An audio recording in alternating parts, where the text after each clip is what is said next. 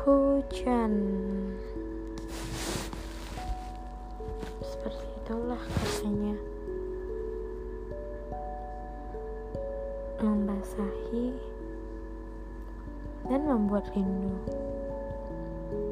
thank you